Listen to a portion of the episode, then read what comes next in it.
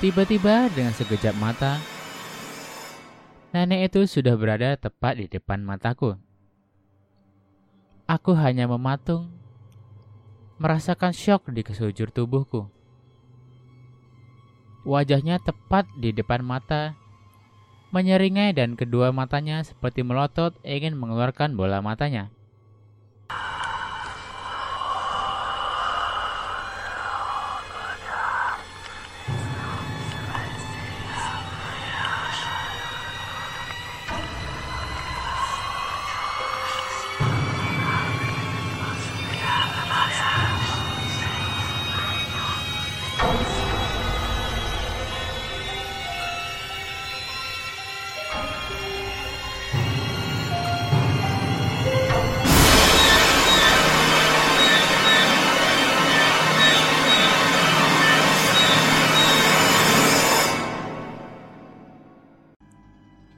Halo Sobat Misteri.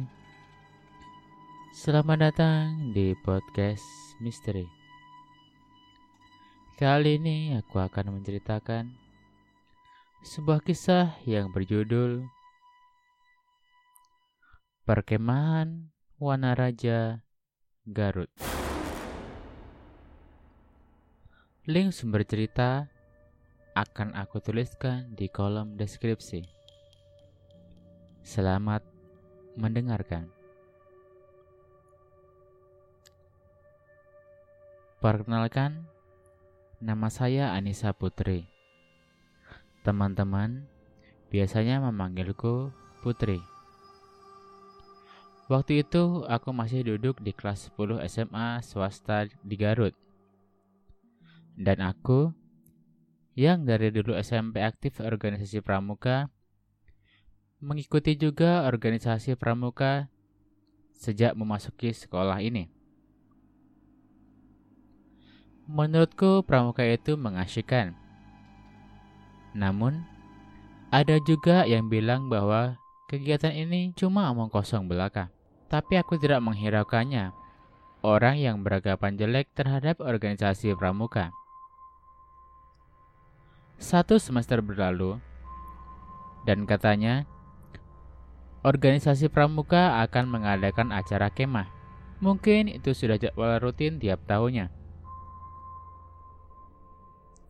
Yeay, sebentar lagi bakal main di alam terbuka, kataku. Hari yang kutunggu pun tiba. Kami sudah merundingkan daerah Wanaraja yang akan kami singgahi untuk berkemah. Hampir satu sekolahan mengikuti. Ada juga sih yang tidak diizinkan keluarganya untuk ikut. Dengan menggunakan truk yang telah disewa, kami berangkat ke bumi perkemahan. Sesampainya di sana, rupanya siswa lain juga sangat antusias dan bahkan tampak merasa gembira. Sesuai komando dari panitia, semua siswa mendirikan tenda sesuai kelompoknya masing-masing. Untuk mengurangi tindakan apa pun, tenda para siswi dan siswa agak dibatasi oleh panitia. Setelah mendirikan tenda, para siswa dimohon agar mandi dan berkumpul di tengah lapangan yang sudah diatur sedemikian rupa. Nampaknya, para siswa diberitahu kegiatan apa saja selama berkemah. Dari mulai kegiatan umum seperti upacara, olahraga, penjelajahan, api unggun, dan lain-lain. Satu hari berlalu dengan lancar. Namun, hari berikutnya semua kegiatan mulai tidak kondusif. Para siswa kelas 11 ada yang tidak mengikuti kegiatan dan malah keluyuran di area perkemahan. Ingin rasanya aku memarahi mereka, namun aku tahu aku hanyalah adik kelas mereka. Malam harinya tubuhku terasa kurang enak. Apa mungkin terlalu capek? Karena mengikuti kegiatan dan kurang istirahat, pikirku. Aku mencoba memejamkan mata dan berharap Semoga besok pagi sudah baikan. Namun setelah terlelap, aku seperti berada di sebuah hutan yang sangat gelap. Sebelumnya aku tidak mengira bahwa itu adalah mimpi. Sebab apa yang aku lihat seperti nyata. Sebelum aku tersadar bahwa itu adalah mimpi, aku dikagetkan dengan suara batuk dari ujung jalan setapak ini.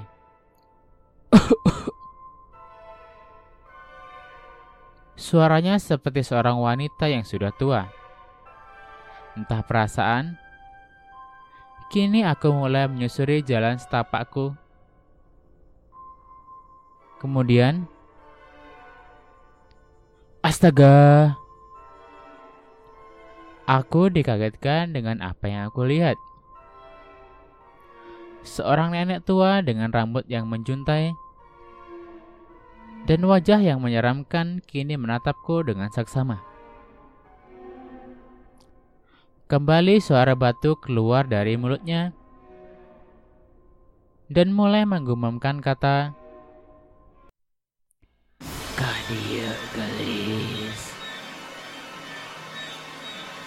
Tiba-tiba dengan sekejap mata, nenek itu sudah berada tepat di depan mataku.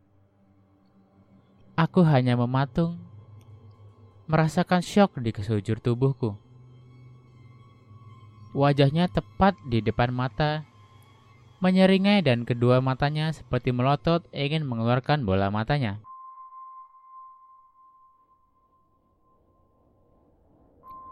Tong Sian gelis. Yap, jeng Nini. Jangan takut cantik. Sini sama nenek. Aku yang ketakutan hanya bisa berteriak. Dan ketika terikanku yang keras, aku tersadar. Namun aku lihat di tenda banyak sekali siswa dan para panitia. Mereka menanyakan apa yang sudah aku alami. Sebab Sebelum aku sadar, katanya aku mengalami kesurupan dan berbicara dengan suara wanita tua dengan kalimat Iya, ince aing. Kok aing ngerek bawa? Yang artinya, ini cucu saya, dan saya akan membawanya. Mendengar penuturan dari orang-orang, aku menjadi teringat akan sosok nenek itu. Kemudian aku menangis. Kegiatan yang seharusnya dilanjutkan satu hari lagi besok nampaknya dibatalkan karena mengingat kondisiku yang kurang baik. Dan juga semua orang khawatir jika ada hal aneh yang akan dialami oleh orang lain. Kemudian semuanya berkemas untuk segera pulang hari ini juga. Setibanya di truk, tak banyak orang yang berbicara. Mungkin mereka trauma melihat kondisiku saat kesurupan itu sangat menakutkan. Namun ada salah satu siswa dari kelasku yang tergeletak tak sadarkan diri. Melihat kondisi itu, semuanya panik dan meminta agar truk berhenti. Ketika berhenti, siswa itu mengaum layaknya orang yang kesurupan. Dia bilang, Aing mau. Dan langsung tertawa.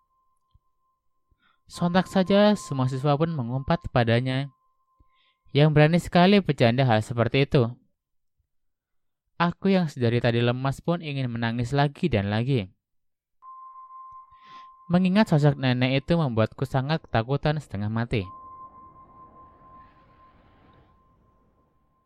Aku lalu dibawa ke rumah dan menjalani perawatan dari dokter. Sebab kondisiku semakin melemah. Ibuku ikut cemas melihat kondisiku. Dan juga ia khawatir ada hal menakutkan yang akan terjadi padaku. Entah kapan aku tertidur, Kini aku sudah berada di mimpi. Dan lagi-lagi, aku mengalami mimpi seperti saat di perkemahan. Namun sosok nenek yang aku lihat sekarang tidak mengerikan. Sosoknya kini layaknya nenek pada umumnya. Dan mungkin saja sama seperti nenekku. Ia tersenyum dan berkata, Ijen ini Hayu ngiring kaditu. Yang artinya Cucu nenek Ayo ikut ke sana. Aku pun seperti merasakan kehangatan darinya Dan mulai mengikuti arahnya Namun sebuah tangan mendekapku dari belakang Tong dicanda budak abi Jangan bawa anak saya. Itu adalah suara ibuku. Ia berusaha menyeretku agar menjauhi nenek itu. Sambil menangis dan berkata, "Jangan membawaku." Lalu sosok nenek itu berubah penampilan lagi. Rambutnya terurai lagi dengan mata melotot ke arahku. Bibirnya menganga lebar dan banyak gigi yang sangat tajam. Sebuah lafalan doa terucap dari ibu. Kemudian, sosok itu berteriak kesakitan sampai akhirnya ia berubah menjadi asap yang sangat hitam dan sangat pekat. Dengan menghilangnya sosok nenek itu, aku mulai tersadar kembali dan melihat kini ibu sedang memelukku dengan erat sambil menangis. Ibu mengatakan bahwa aku tadi kesurupan lagi. Dan ibu hanya bisa berdoa sambil memelukku agar tidak ada hal aneh menimpaku. Dan ibu bilang saat aku kesurupan, sosok nenek itu akan membawaku hingga tidak kembali lagi. Aku yang mendengarnya langsung memeluk ibu juga. Keesokan harinya, ibu berencana ke tempat perkemahan yang ada di Wanerja untuk membagikan sesajen kepada makhluk yang ada di sana dan agar menjadi pengganti dari aku. Ibu ke sana didampingi oleh orang pintar yang memang sudah ibu kenal sejak dulu. Setelah ibu kembali dari Wanerja, ia bercerita bahwa makhluk itu terganggu dengan siswa yang tidak sengaja buang air kecil di dekat batu tempat bertapanya. Lalu setelah melihatku, sosok nenek itu katanya teringat kepada cucunya juga yang mirip denganku. Dari semenjak itulah, aku tidak diperbolehkan lagi untuk mengikuti organisasi pramuka, apakah lagi mengenai alam terbuka. Aku harus benar-benar menjaga diri dari yang namanya makhluk gaib. Soalnya, Aku memiliki aura yang mampu menarik sosok mereka.